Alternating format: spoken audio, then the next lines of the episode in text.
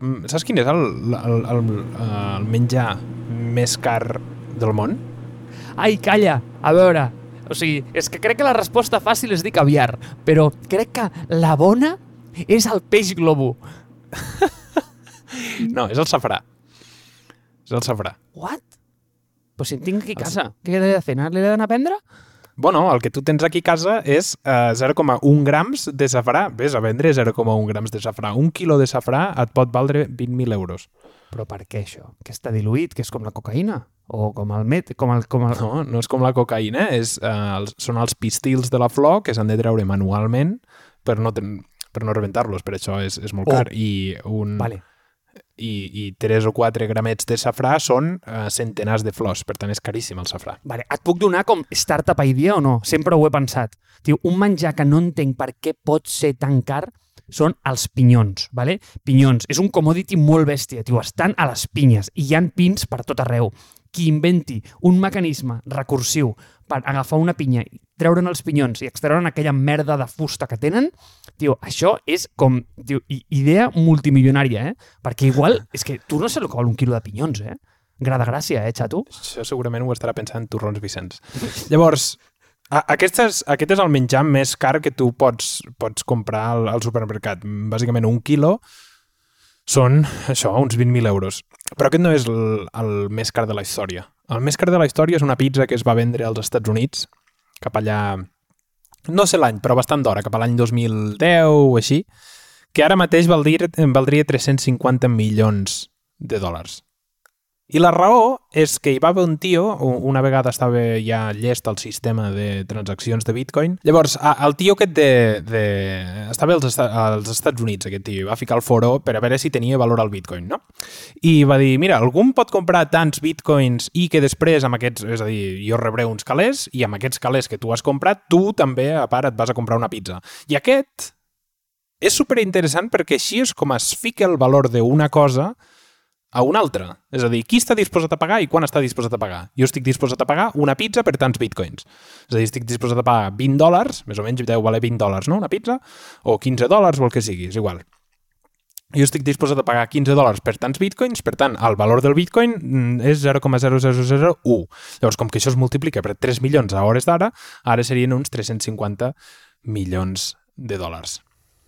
Llavors aquí és... Això són 10.000 bitcoins, eh? Un tio de Florida que envia 10.000 bitcoins a través del món a una persona d'Anglaterra i aquesta persona compra una pizza. Imagina't els calés que són 10.000 bitcoins ara.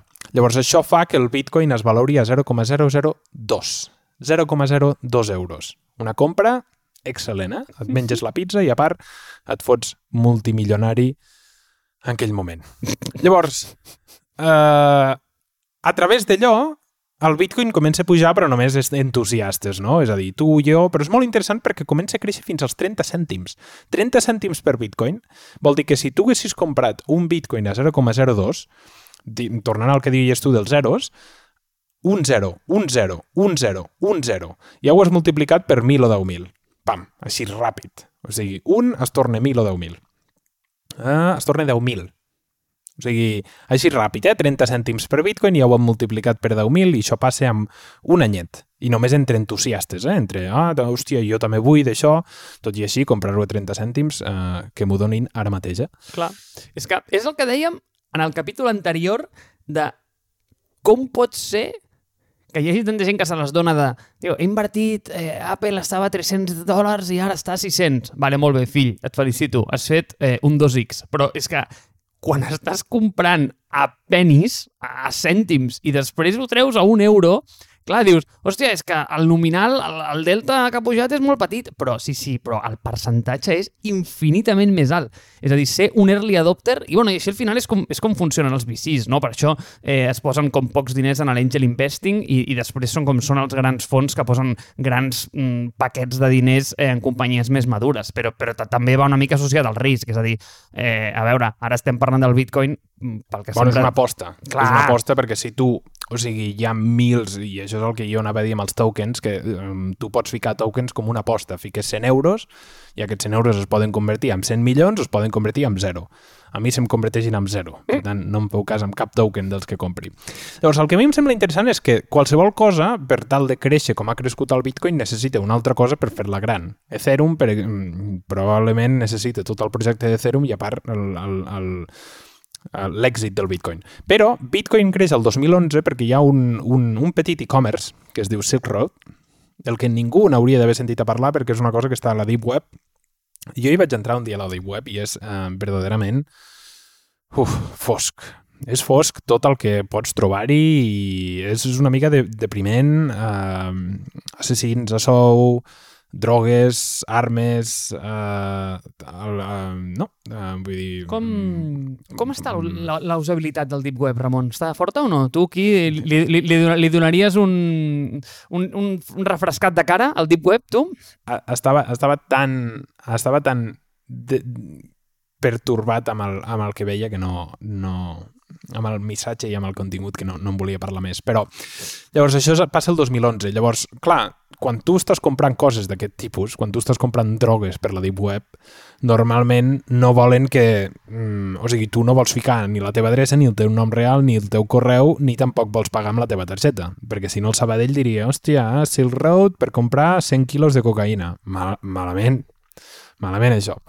Llavors necessiten una moneda anònima i una moneda descentralitzada, i d'aquí comença tot el tema de la moneda descentralitzada. Llavors fan servir Bitcoin i durant dos anys, i això és el que em sembla interessant, durant dos anys més de 150.000 persones compren a Silk Road. 150.000 persones. Hòstia, 150.000 persones es diu molt ràpid, però són moltes persones. I mouen, bàsicament, més de 10 milions de bitcoins. Mm.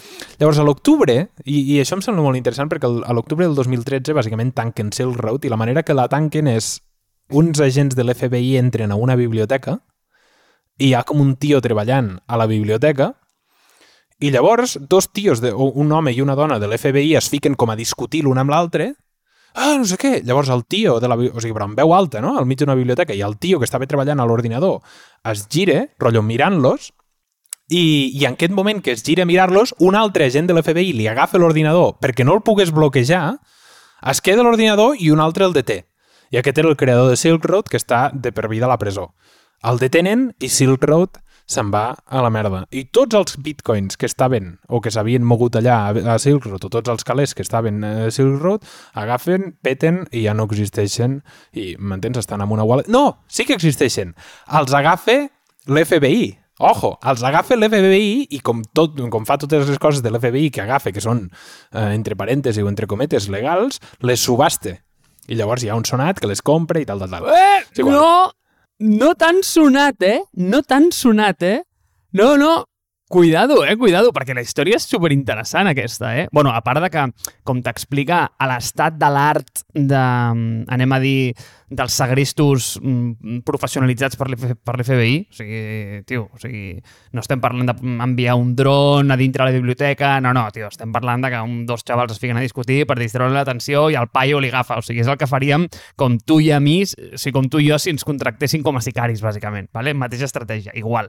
Però això, és el que tu dius, això ho posen a subhasta, que això em sembla brutal, és a dir, tio, agafes tio, diner, o sigui, bitcoins o criptomonedes tacades de droga i de sang i les poses a subhasta. I després ve l'inversor famós, històric, Tim Draper, o sigui, un paio respectat de bona casa americana i literalment ho va comprar per no sé quants milions, que jo crec que va ser, que aquest és el punt fascinant, que aquest tio, òbviament, ha fet molts milions a la seva vida, eh, perquè té un fons d'inversió que li ha anat molt, molt, molt bé. I quan diem molt bé, no vol dir que va posar els diners a la, al pla d'estalvis i pensions de la caixa i li van tornar un 2% a l'any. No, no, no, no. Vol dir que li va anar molt, molt bé. Doncs pues aquesta és la seva eh, inversió unitària més bona que ha fet mai. O sigui, eh, qualsevol empresa, i aquest paio ha, ha degut invertir a Facebook, a Twitter, però amb, amb, amb, una, amb un estadi super inicial. Pues aquest tio, la millor inversió que ha fet a la seva vida va ser anar a l'FBI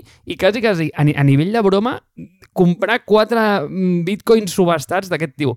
Cosa que també I tu has dit una cosa eh, molt interessant, Ramon, el tema de, de, de, de perdre els bitcoins, eh? eh de que...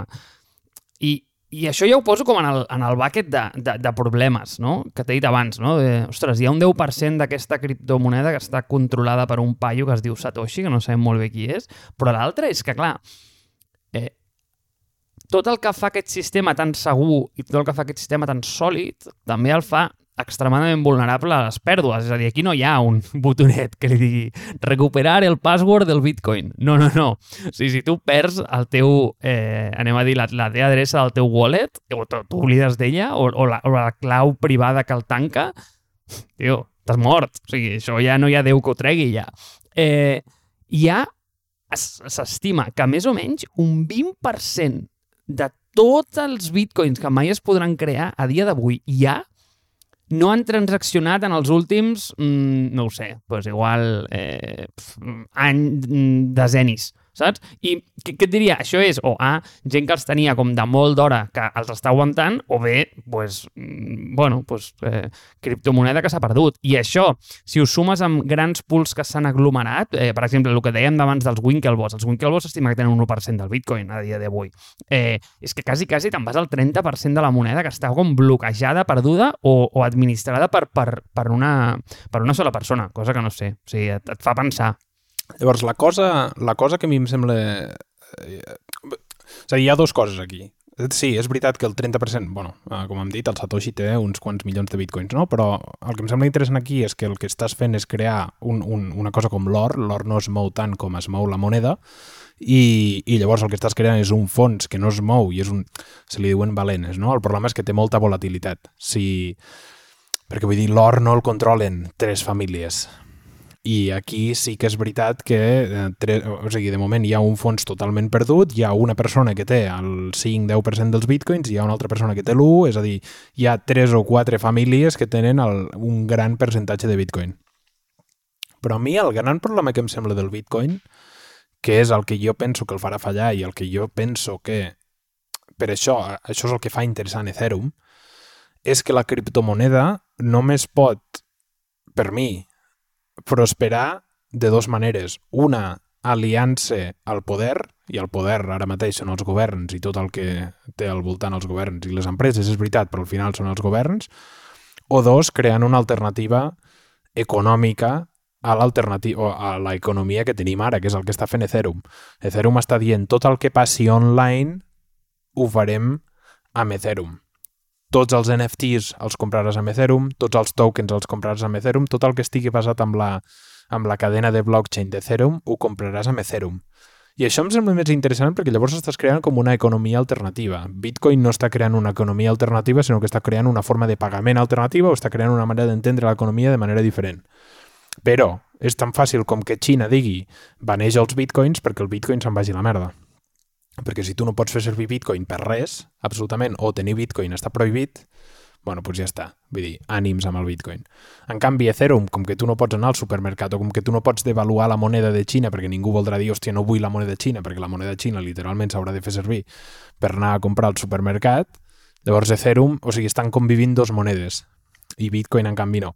Llavors jo penso que aquest és el, és el gran problema que té, que té el d'allò. Bàsicament, Finalment, com puja? bueno, doncs a partir d'aquí, grans empreses o grans, grans fons d'inversió, fins i tot el Winklevoss, comencen a comprar d'una manera extrema Llavors Bitcoin puja, puja, puja, puja, puja, puja. Llavors comença el hype dins de la gent i és el que deia, no sé qui ho deia, Rockefeller o, o el que ho deia, no? que, que el, la persona que li il·lustrava les sabates li havia dit mm -hmm. que, que ell estava invertint, llavors era el moment de, de treure els calés. Que jo penso que no. Jo penso que llavors és quan n'has de ficar encara més, perquè llavors és quan comença el hype i és quan comença a pujar. El cas de vendre és quan està dalt, GameStop a 300.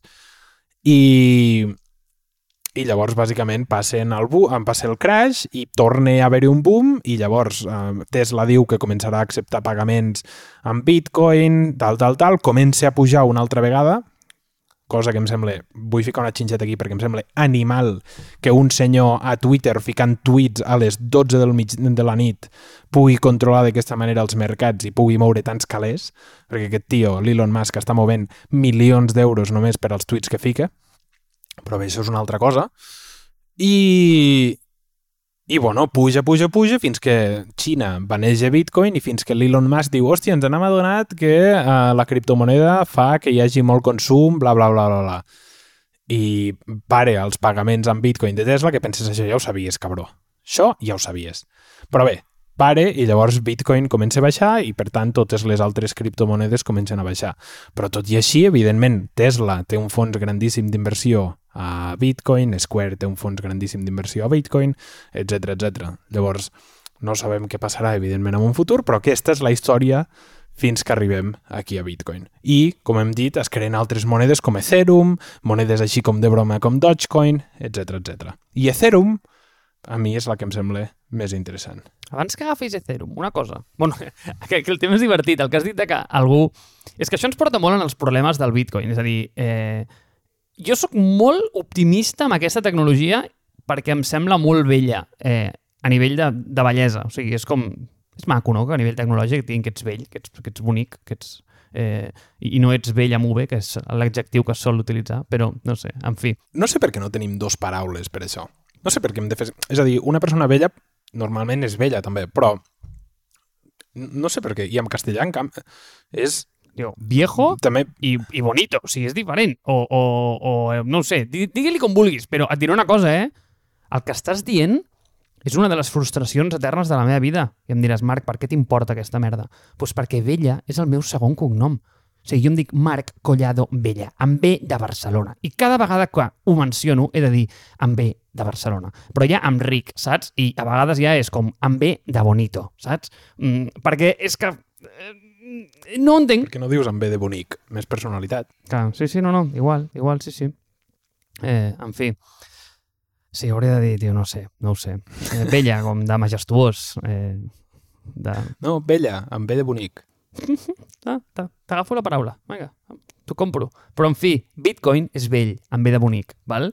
Eh, després, si vols, entrem al per què. Però, curiosament, és que aquest, això, això va d'històries, eh? Però a l'anterior quatrimestre fiscal, a Tesla no li va anar gaire bé, però justament per la venda que va fer de tota la cripto que tenia que havia comprat abans, gràcies a el que tu has dit, eh, que ell havia, eh, d'alguna manera, eh, determinat una mica el preu o, o sent molt prescriptiu amb, amb, amb què havia de fer i, i dictant què havia de fer la criptomoneda, va salvar el quatrimestre fiscal. Va fer un dels seus millors quatrimestres fiscals, però no a base de vendre cotxes, sinó a base de vendre bitcoins, cosa que em sembla brutal. Però és igual, és, és, és que t'ho juro, no puc amb aquesta història.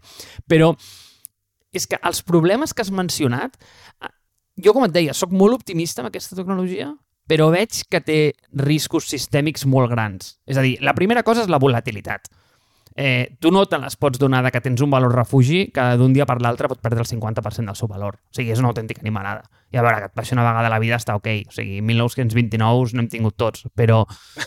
Mm, No, però no, clar, però, però no et poden passar cada 10 minuts, entens? O sigui, no, no, no cada dia és 1929, saps o no? Llavors, viure amb aquesta tensió, doncs, a veure, fill, doncs, igual no et deixa dormir, saps? Eh, sí, has tingut un mal dia, però Covid només n'hi ha un. A veure, mm, cuidado. I aquesta és la primera. La segona és el que tu dius, és, és el tema del medi ambient. Hòstia, eh, tio, això no va ser pensat per ser un sistema de pagament. És a dir, és el que comentàvem al capítol anterior, no? Eh, una cosa central és una cosa extremadament eficient que ve a costa de certs, mm, anem a dir, concessions. Eh, tio, Facebook és superfàcil d'usar a base de que, pues, tio, mm, pues, et xuglin tota la sang a nivell de dades, no? Eh, bueno, està bé, sí, mm, tothom pot enviar eh, missatges per un canal d'IRC mm, de, de chat, però ningú ho fa perquè és una autèntica patata d'experiència, no? Pues Bitcoin és el mateix. O sigui, Bitcoin és un sistema extremadament segur, d'una bellesa única en com fa servir la criptografia eh, d'alguna manera per validar les seves transaccions, però a costa de què? Tio, a costa de que és computacionalment un zero a l'esquerra, o sigui, és ineficient de pilotes. Llavors, fer un sistema de pagaments en base a això, home, doncs delicat, no? Pues què passa? Pues, pues tens això, pues tens fàbriques a Xina que només es dediquen eh, pues a, minar aquest tipus de coses, no? Eh, I l'altra cosa, que és el que tu has dit, i ara aquí vinc on, on tu estaves, és el tema de, mm, de la regulació governamental. Jo crec que l'última persona que li interessa això és un govern. I si et fixes, no n'hi ha cap que, o si n'hi ha molt pocs que hagin donat un pas endavant dient «Ei, senyors, eh, som els abanderats d'això, eh? Mm, això és el que ens agrada». No, no, això no ens agrada gens. El que ens agrada és una cosa que es diu Banc Central Europeu. Això ens encanta, això és l'hòstia. Eh, perquè això, nen, tenim una impressora allà, tenim una, un HP LaserJet que, nen, comença a imprimir euros, tio, i, bueno, o sigui, amb allò controles la criptomoneda com tu vulguis, saps? Tu saps, tu saps que el banc de Noruega més gran està controlat pel govern de Noruega? Amb un 40%, una cosa així. I per entrar al banc necessites tota la informació del teu govern, és a dir, hi ha una cosa que es diu Government ID i tu per entrar al teu banc... O sigui, el, el govern i el banc estan parlant a cada moment, és a dir, el govern sap exactament totes les transaccions que tu fas, pràcticament no hi ha moviment amb calés. És a dir, és, és ideal per una societat com... No per una societat, per, per un govern a veure, el que és guai a Noruega és que llavors els polítics no roben, no? I, i, i després no t'estafen i penses, bueno, encara li tinc confiança. Això ho feien aquí i no hi hauria una revolta perquè no ens revoltem mai quan ens hauríem d'haver revoltat ja 50 vegades, però però seria gros, eh? Home, és que et diré una cosa, eh? I ho sento, però això sí que algú ho havia de dir. O sigui, sempre ens donem com els exemples dels nòrdics. Oi, sí, perquè els suecs això ho fan tan bé. Ai, sí, perquè els nens de Finlàndia no tenen mocs. Tots són rossos amb els ulls blaus i maquíssims. I, tio, o sigui, són la viva imatge de la doble moral. És a dir, el fons de, de, de Noruega, aquest fons soberà que tenen, que és el fons més gran del món, que dius, sí... Basat, basat en petroli. Clar, nen! Dius, no, és que només invertim en coses tio, mega eh, environmental friendly, super healthy, tal, no sé què, i fill meu, l'has aconseguit a base de treure merda de xapapote negre del terra, eh? O sigui, tio... Sí, o però sigui, és veritat això, eh? Però és veritat. O sigui, jo pagava d'electricitat que la feien tota de manera renovable, que tenen una de les, una de les millors tecnologies de, bàsicament, cremar basura per fer energia i, a part, tenen molta energia hidràulica i tota l'energia que fan de la basura la, la venen a Dinamarca, que, que evidentment, o sigui, el, el pic més gran de Dinamarca, quants, quants metres fa? 350?